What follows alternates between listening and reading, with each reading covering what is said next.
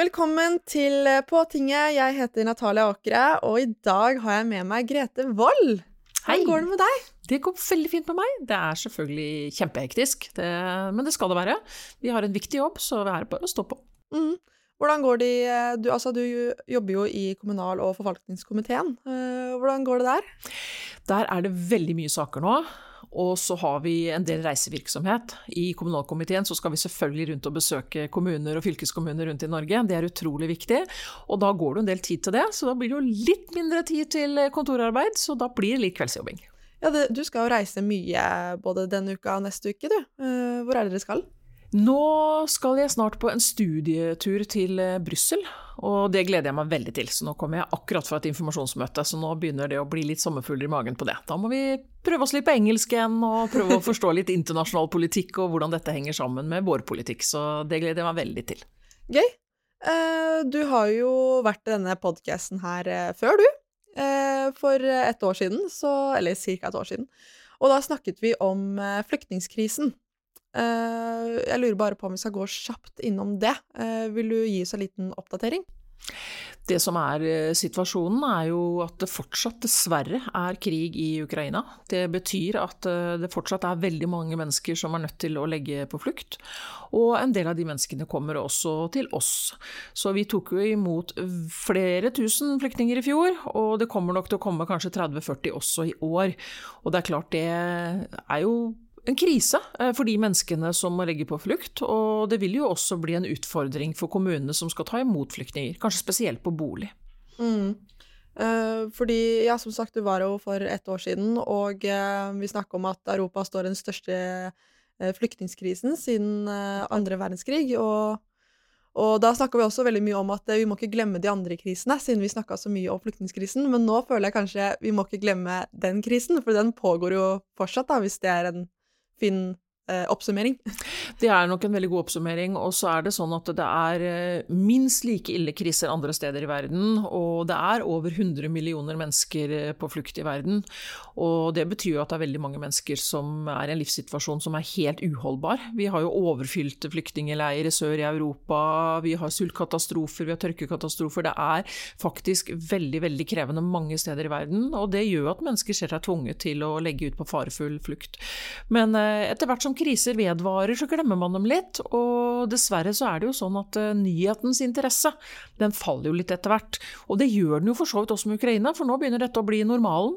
Det er rapporter med bombeangrep og mennesker på flukt og akutte situasjoner, og så, og så glemmer man det litt. Og det, det, er nok en måte vi mennesker prøver å overleve på også, for det er mye å ta inn.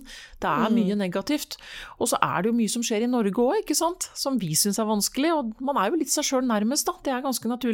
Men da er det også litt vår jobb å faktisk reise disse spørsmåla, sette de på dagsorden, jobbe med media og sørge for at uh, disse menneskene ikke blir glemt. Mm. Ja, for det er sånn du sier, det skjer jo veldig mye både utenlands og innenlands. Men denne episoden her så tenkte jeg at vi skulle snakke om eh, bolig. Ja. For det også er jo mye som skjer på den fronten. Fordi det er jo veldig vanskelig å få kjøpt seg bolig i dag. I hvert fall for unge, og uten hjelp eh, av foreldre. Hvorfor er det sånn? Det er jo fordi at boligprisene de har jo steget og steget i veldig, veldig mange år. Og så er det kanskje ikke så unormalt at det er en viss stigning i boligprisene, men det vi ser nå er jo at vi har et boligmarked som er helt ute av kontroll. Og spesielt i pressområdene, som i storbyene, det gjelder ikke bare Oslo, det gjelder mange andre byer også, så er det faktisk blitt et prisnivå som gjør at færre og færre har mulighet til å komme seg på boligmarkedet. Og det er jo fordi at ulikhetene i Norge øker. Og noen mennesker har mer enn nok penger og kan kjøpe seg én bolig, to bolig, tre bolig, kjøpe bolig til barna sine, og man kan drive med spekulasjon, og man kan tjene seg rik på å ha bolig. Og det er jo et marked som vi i SV ønsker å få kontroll på. Bolig skal være et sted hvor folk skal bo, hvor man skal bo trygt, og man skal bo så lenge man ønsker, og hvor det skal være godt for barn å vokse opp. Bolig skal faktisk ikke være noe som noen sitter og administrerer, mens andre er helt prisgitt, og kanskje leie en bolig til helt vanvittige priser, kanskje resten av livet. Så her har vi en kjempejobb å gjøre. Mm. Kan du forklare begrepet spekulanter? Spekulanter det handler om de som bruker f.eks. bolig da, som en måte å tjene penger på. Man kjøper opp boliger, og så leier man dem ut, ofte til en relativt høy pris, og kanskje også mer enn det man betaler for den boligen selv. Og det gjør at man tjener penger eh, på at andre er helt avhengig av å leie. Og i tillegg så ser vi at eh, selv om vi nå prøver å få kontroll på dette, så er faktisk 16% av boligene i Oslo de er det vi kaller for sekundærboliger, altså ikke der folk bor selv, men en bolig de har i tillegg til. Og da er det ofte for å reint tjene penger på dem. Og i noen tilfeller så ser vi jo faktisk at det ikke er lønnsomt å leie ut engang. Man bare kjøper boliger, og de stiger så mye i verdi at man kan bare sitte og vente på at de blir dyrere og dyrere, og så selge de kanskje til tredobbelt pris på et eller annet tidspunkt i livet. Også for de som har mer enn nok penger, så er dette en god måte å tjene penger på. Men mm. det er dårlig for samfunnet. Ja, det gjør jo at også leia går opp, og det er jo veldig ofte sånn at de som leier, betaler jo like mye som ja, ja. de som uh, har kjøpt og betaler ned på lån. Ja, det er bare at de har ikke den egenkapitalen, den bufferen, til å kunne kjøpe en bolig, da. Uh, men hva er det SV har lyst til å gjøre for at det skal bli lettere for uh, folk å kjøpe seg bolig? Det finnes veldig mange måter å angripe det på, og det finnes ikke ett svar. Men eh, en av de tingene vi ønsker, er jo å begrense den boligspekulasjonen. At noen skal eie flere boliger enn de faktisk trenger. Og da må vi skattlegge. Da må vi faktisk gjøre det litt mindre lukrativt å kjøpe seg flere boliger, sånn som man heller velger å investere pengene sine i arbeidsplasser enn i boliger. Så må vi sørge for at eh, egenandelskravet blir noe mennesker kan klare å håndtere, uten at de får penger fra mor og far, for det er ikke alle som gjør. Og så må vi sørge for at vi får forskjellige modeller, eh, sånn eie til leie og den type, nå ble det omvendt, leie til eie-modeller, eh, eller at man kan kjøpe deler av leiligheten, og at man kan komme seg inn på boligmarkedet. For det er jo som du sier, det er ikke noe dyrere å leie en leilighet ofte enn å leie den. Så veldig mange med fast jobb, god inntekt, eh, har faktisk mulighet til å kjøpe, men de sitter ikke med en million i egenkapital, for det er det faktisk de færreste som gjør. Så her må vi gripe an på flere måter, men vi må få dette markedet under kontroll. Mm. Og så har jeg hørt liksom sånn at eh, uansett hvor, Hvis du begynner å spare opp nå, da, mm. så går jo også eh, leilighetene opp i pris. Ja. Så når du sparer Du kommer alle til å klare å nå det, da? Nei, fordi prisene, spesielt i pressområdene, øker jo mer enn det du har kjangs til å klare å spare, og renta er ikke spesielt høy, så det å sitte og spare penger er heller ikke veldig enkelt. Og i tillegg nå så har vi jo en prisvekst, eh, en inflasjon, som gjør at eh, når du kommer dit hvor du skal kjøpe den leiligheten, så, så er de pengene spist opp. Så mm. det nytter liksom ikke helt. Og det er jo veldig skummel utvikling, for det betyr jo at man får en avmaktsfølelse, og man gir litt opp. Og det er en veldig, veldig dårlig følelse. Mm. Og så vil du forklare den der leie-til-eie-ordningen. For det, altså, det høres så veldig bra ut, men hvordan er det det funker i praksis? Det fungerer på den måten at f.eks. Obos eller andre aktører, kanskje kommunen, at de har leiligheter som du kan leie til å begynne med, og så kjøper du deg inn sakte, men sikkert etter hvert som du klarer å tjene deg opp en egenkapital. Men du kan ta det over lengre tid. Så det betyr at du trenger ikke ha hele startkapitalen til å begynne med. Du kan begynne med noe, og så kan du sakte, men sikkert kjøpe opp mer og mer av den leiligheten. Så du til slutt eier den selv. Mm. Kjempebra. Eh, da tror jeg egentlig fått, har fått, fått snakka litt på overflaten om boligmarkedet og hva som eh, trengs. Fordi det er, ja, som sagt, det er veldig mange unge som ikke får kjøpt seg leilighet, så disse tingene trenger vi, rett og slett. Så dette må vi få en ordning på. Og så må vi ikke glemme at det er over én million nordmenn som faktisk leier bolig. Og det kan være fordi man ikke har mulighet til å komme inn på boligmarkedet, det skal vi selvfølgelig gjøre noe med. Men det kan også være at mange i faser av livet ønsker å leie, det er praktisk, eller av andre årsaker så er det greit. Og da har vi heldigvis fått på plass et eh, utvalg som nå skal se på en ny husleielov, som gjør at vi også gjør det bedre å være leietaker. Det er viktig å få frem. I desember så hadde du et representantforslag som går ut på at 23 eh, iranske kvinner skal få behandlet asylsøknaden sin på nytt. Eh, kan du fortelle litt mer om det?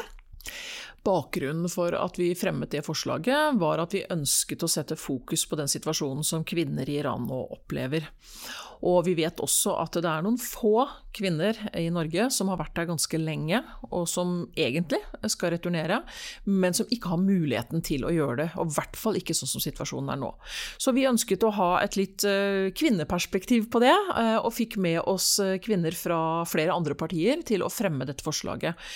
Og nå får vi en skriftlig innspill i disse tider, og jeg vet bl.a. NOAS har levert inn innspill. Og man ønsker jo kanskje også å utvide dette til å gjelde ikke bare kvinner fra Iran, men også fra nærliggende områder, og også menn, for det er jo ikke kun kvinner dette gjelder.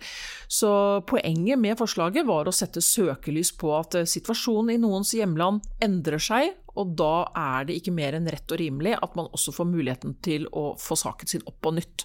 For dette er kvinner som nå ikke kan reise tilbake igjen, det vil være i fare for deres liv. Og vi ber ikke om at de skal forbli automatisk, vi ber om at utlendingsmyndighetene ser på saken i lys av dagens situasjon en gang til. Og dette er 23 kvinner, det burde være ressursmessig fullt mulig. Mm. Og så skulle jeg til å spørre deg hvordan det går med saken, men kan ikke du ta oss gjennom hvordan eh, i praksis det funker med å ta opp et representantforslag mm. til det på en måte blir vedtatt? Først og fremst så må man jo ha en god sak. Og så må man få eh, partiet til å være med på at man kan fremme den saken. For det er jo ikke sånn at selv om dette blir kalt for representantforslag, så er det jo ikke mitt personlige forslag. Det er jo et forslag som vi som SV ønsker å fremme. Og noen ganger så fremmer vi det også sammen med andre partier. Og da må vi selvfølgelig også bli enige med dem. Så det tar litt tid å forberede et godt representantforslag, og det skal det også gjøre. Så legger vi det frem i stortingssalen, og så fordeler presidenten det til en komité.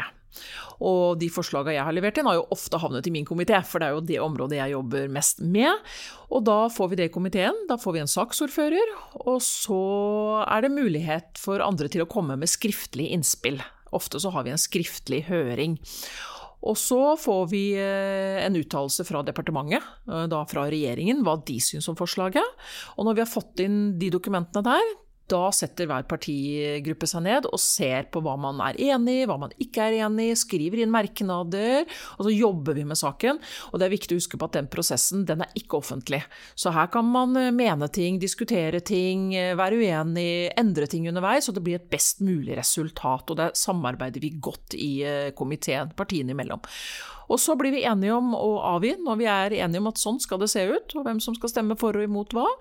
Og så blir det debatt i salen. Og da har vi muligheten til å fremme hva vi mener om saken, og det kan også alle følge med på på nett og se på den debatten. Og så blir det avstemning til slutt, og da stemmer man jo for eller imot de forskjellige forslagene.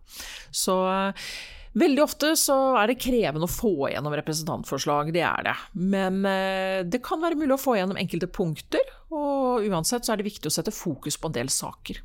Mm. Og det er veldig gøy måte, at du tar oss gjennom det her, for det er jo viktig å skjønne prosessen, da. Mm. Og at ikke ting At det, det er jo en prosess. det er en prosess, og det tar tid. Eh, og det ser jo veldig enkelt ut. Det er bare, et forslag kan jo være alltid fra én til fire-fem sider, så det er jo ikke store dokumenter. Men det kan ofte være veldig store spørsmål, og derfor så må det ta litt tid. Og det er viktig å lytte til alle innspill som kommer, og i noen få tilfeller så har vi også muntlige høringer, hvor det er store meldinger f.eks som blir tatt opp også. Så vi er jo helt avhengig av å få gode innspill, og veldig fint når folk sender inn mailer og meninger om ting. Det setter jeg veldig pris på. Da har vi kommet over til spørsmål fra eh, lytterne våre. Eh, og da er første spørsmål Hva tenker du om sammenhengen mellom asylpolitikk, antirasisme og bolig? Spennende. Veldig spennende. Um, koblingen sånn umiddelbart er kanskje ikke sånn helt åpenbar for meg, men det er klart at uh, bolig er en utfordring for veldig, veldig mange. Og når det f.eks. nå kommer veldig mange asylsøkere fra Ukraina, så er det jo press på boligene. Og når man kanskje føler at man ikke får en kommunal bolig, eller at man blir satt litt langt ned i køen for det kommer så mange andre, så kan jo det avstedkomme litt negative følelser og litt sånn Dette oppleves litt urettferdig. Om jeg vil kalle det rasisme, det, det er jeg kanskje litt usikker på, men eh, det kan jo avstedkomme det. Men uh, ellers så tenker jeg jo at uh, rasisme handler om veldig mye andre ting enn bolig. Men, men det er et interessant spørsmål. Mm. Og så neste spørsmål er favorittrett. Oi! Over til noe helt annet. noe helt annet. Sånn umiddelbart så tenker jeg at en veldig god plukkfiskerett. Er kjempegodt. Det hadde jeg veldig lyst på i dag, så jeg velger å si det. Ja. Og neste spørsmål er eh, Hva var ditt idol som liten? Idol uh, Jeg kan ikke huske at jeg hadde så mange idol, egentlig. Og jeg hadde heller ikke noe sånn stort samfunnsengasjement eller politisk engasjement som ung, så jeg hadde aldri noen sånne store forbilder i, i så måte. Men uh, hvis man kan ta en litt mer lett tilnærming, så var jeg veldig ABBA-fan, altså. Og ja. det er jeg fortsatt. Når er det du egentlig begynte å være politisk aktiv? Jeg ble politiker for nå er det vel blitt syv år siden. Så jeg har ikke vært aktiv politiker veldig veldig lenge. Det har jeg ikke. Så jeg er en såkalt late bloomer. Så jeg har blitt politiker i det man kan kalle for eh, voksen alder, ja. Jo, men det er veldig fint å høre, fordi da, det er liksom aldri for sent. Fordi alle som er politikere, sier sånn Ja, når jeg var 14 år, så Men da blir man litt sånn Å ja, men da er det for seint for meg å bli ja. aktiv. Men det er aldri for seint. det er ikke for seint, og heldigvis så er det ikke med politikk som det er med idrett. Det er ikke sånn at man går ut på dato. Jeg tenker Nei. at uh, alle trengs i politikken, og jeg tror det er viktig å ha noen som kan politikk veldig grundig, og som har gått gjennom ungdomsorganisasjonene og lært seg alle de gode tingene. Og så trenger vi sånne som meg, som kanskje har litt annet blikk og litt annen livserfaring. og og den handler i hvert fall ikke om alder. Mm. Og siste spørsmålet er eh, hva kan vi som ikke får kjøpt seg bolig, gjøre? Nå har vi jo snakket om hva SV vil, eh, men hvis man sitter der selv, da? Det, kan, er, det noe man kan gjøre? ja. Først og fremst, så selv om vi var og snakka litt ned det med sparing, så vil det jo alltid lønne seg å spare til en bolig. Det vil alltid lønne seg å sette penger til side. Og så må man kanskje vurdere litt hvor man har mulighet til å bosette seg, og kanskje være litt kreativ på det. Det er ikke sikkert at det å prøve å få en bolig midt i Oslo er det beste ideen. Eh, vi trenger bosetting i hele landet. Og så er det jo sånn at man vil jo gjerne prøve å finne bolig der man finner et arbeid, da. Eh, og det kan jo ofte være i byer. Men det å kanskje se litt på hva trenger man faktisk av standard, og spare, og se om man kanskje kan få gode lån og være litt kreativ på det. Ta gjerne kontakt med aktører som Obos og kommunen og Husbanken. Undersøk litt alle muligheter, og se hvilke muligheter man faktisk har. Og så være litt tålmodig. Så tror nok jeg også at dette markedet vil jo svinge litt. Nå går nok rentene litt opp, muligens arbeidsledigheten litt opp. Vi er inne i en litt tøff periode, mm. og det gjør nok også at én litt heldig konsekvens av den litt tøffe situasjonen er kanskje at boligprisene også stagnerer litt. Ja. Og så kan man også stemme på et parti som, eh, som satser på bolig. Definitivt. Jeg tenker jo at uh, dette er mulig å regulere også politisk. Og det er politisk vilje slash uvilje som spiller inn her. Og da vil jeg jo absolutt anbefale å stemme på et parti som ønsker en annen boligpolitikk enn det vi har hatt de siste åra. Mm vil uh, rante litt over hvordan Som har gjort meg skikkelig forbanna denne uka. Det bryter med våre klimaforpliktelser. Det er lov å tjene penger eh, For ikke snakke om det. Så jeg blir kraftig provosert. Da har vi kommet til uh, ukas rant. Og hva er det du skal rante om, Grete? Jeg uh, har lyst til å rante om det å være født uten ID. Yes, kjør på. Noe av det som opprører meg aller, aller mest, det er de barna som faktisk fødes i Norge, på et norsk sykehus, med masse folk til stede. Det står fint i pasientjournalen når og hvor dette barnet er født. Men allikevel så opplever dette barnet å vokse opp med det vi kaller for en ID-tvil. Det betyr at dette barnets kanskje mor eller far eller kanskje et annet familiemedlem på et tidspunkt, kanskje for 10 20-30 år siden kom til Norge, valgte å oppgi kanskje feil identitet fordi man var redd, kanskje hadde man noen papirer som man var nødt til å kjøpe for å klare å flykte fra forfølgelse et sted. Og det betyr at eh, dette barnet fødes fordi det er tvil om dette barnets identitet.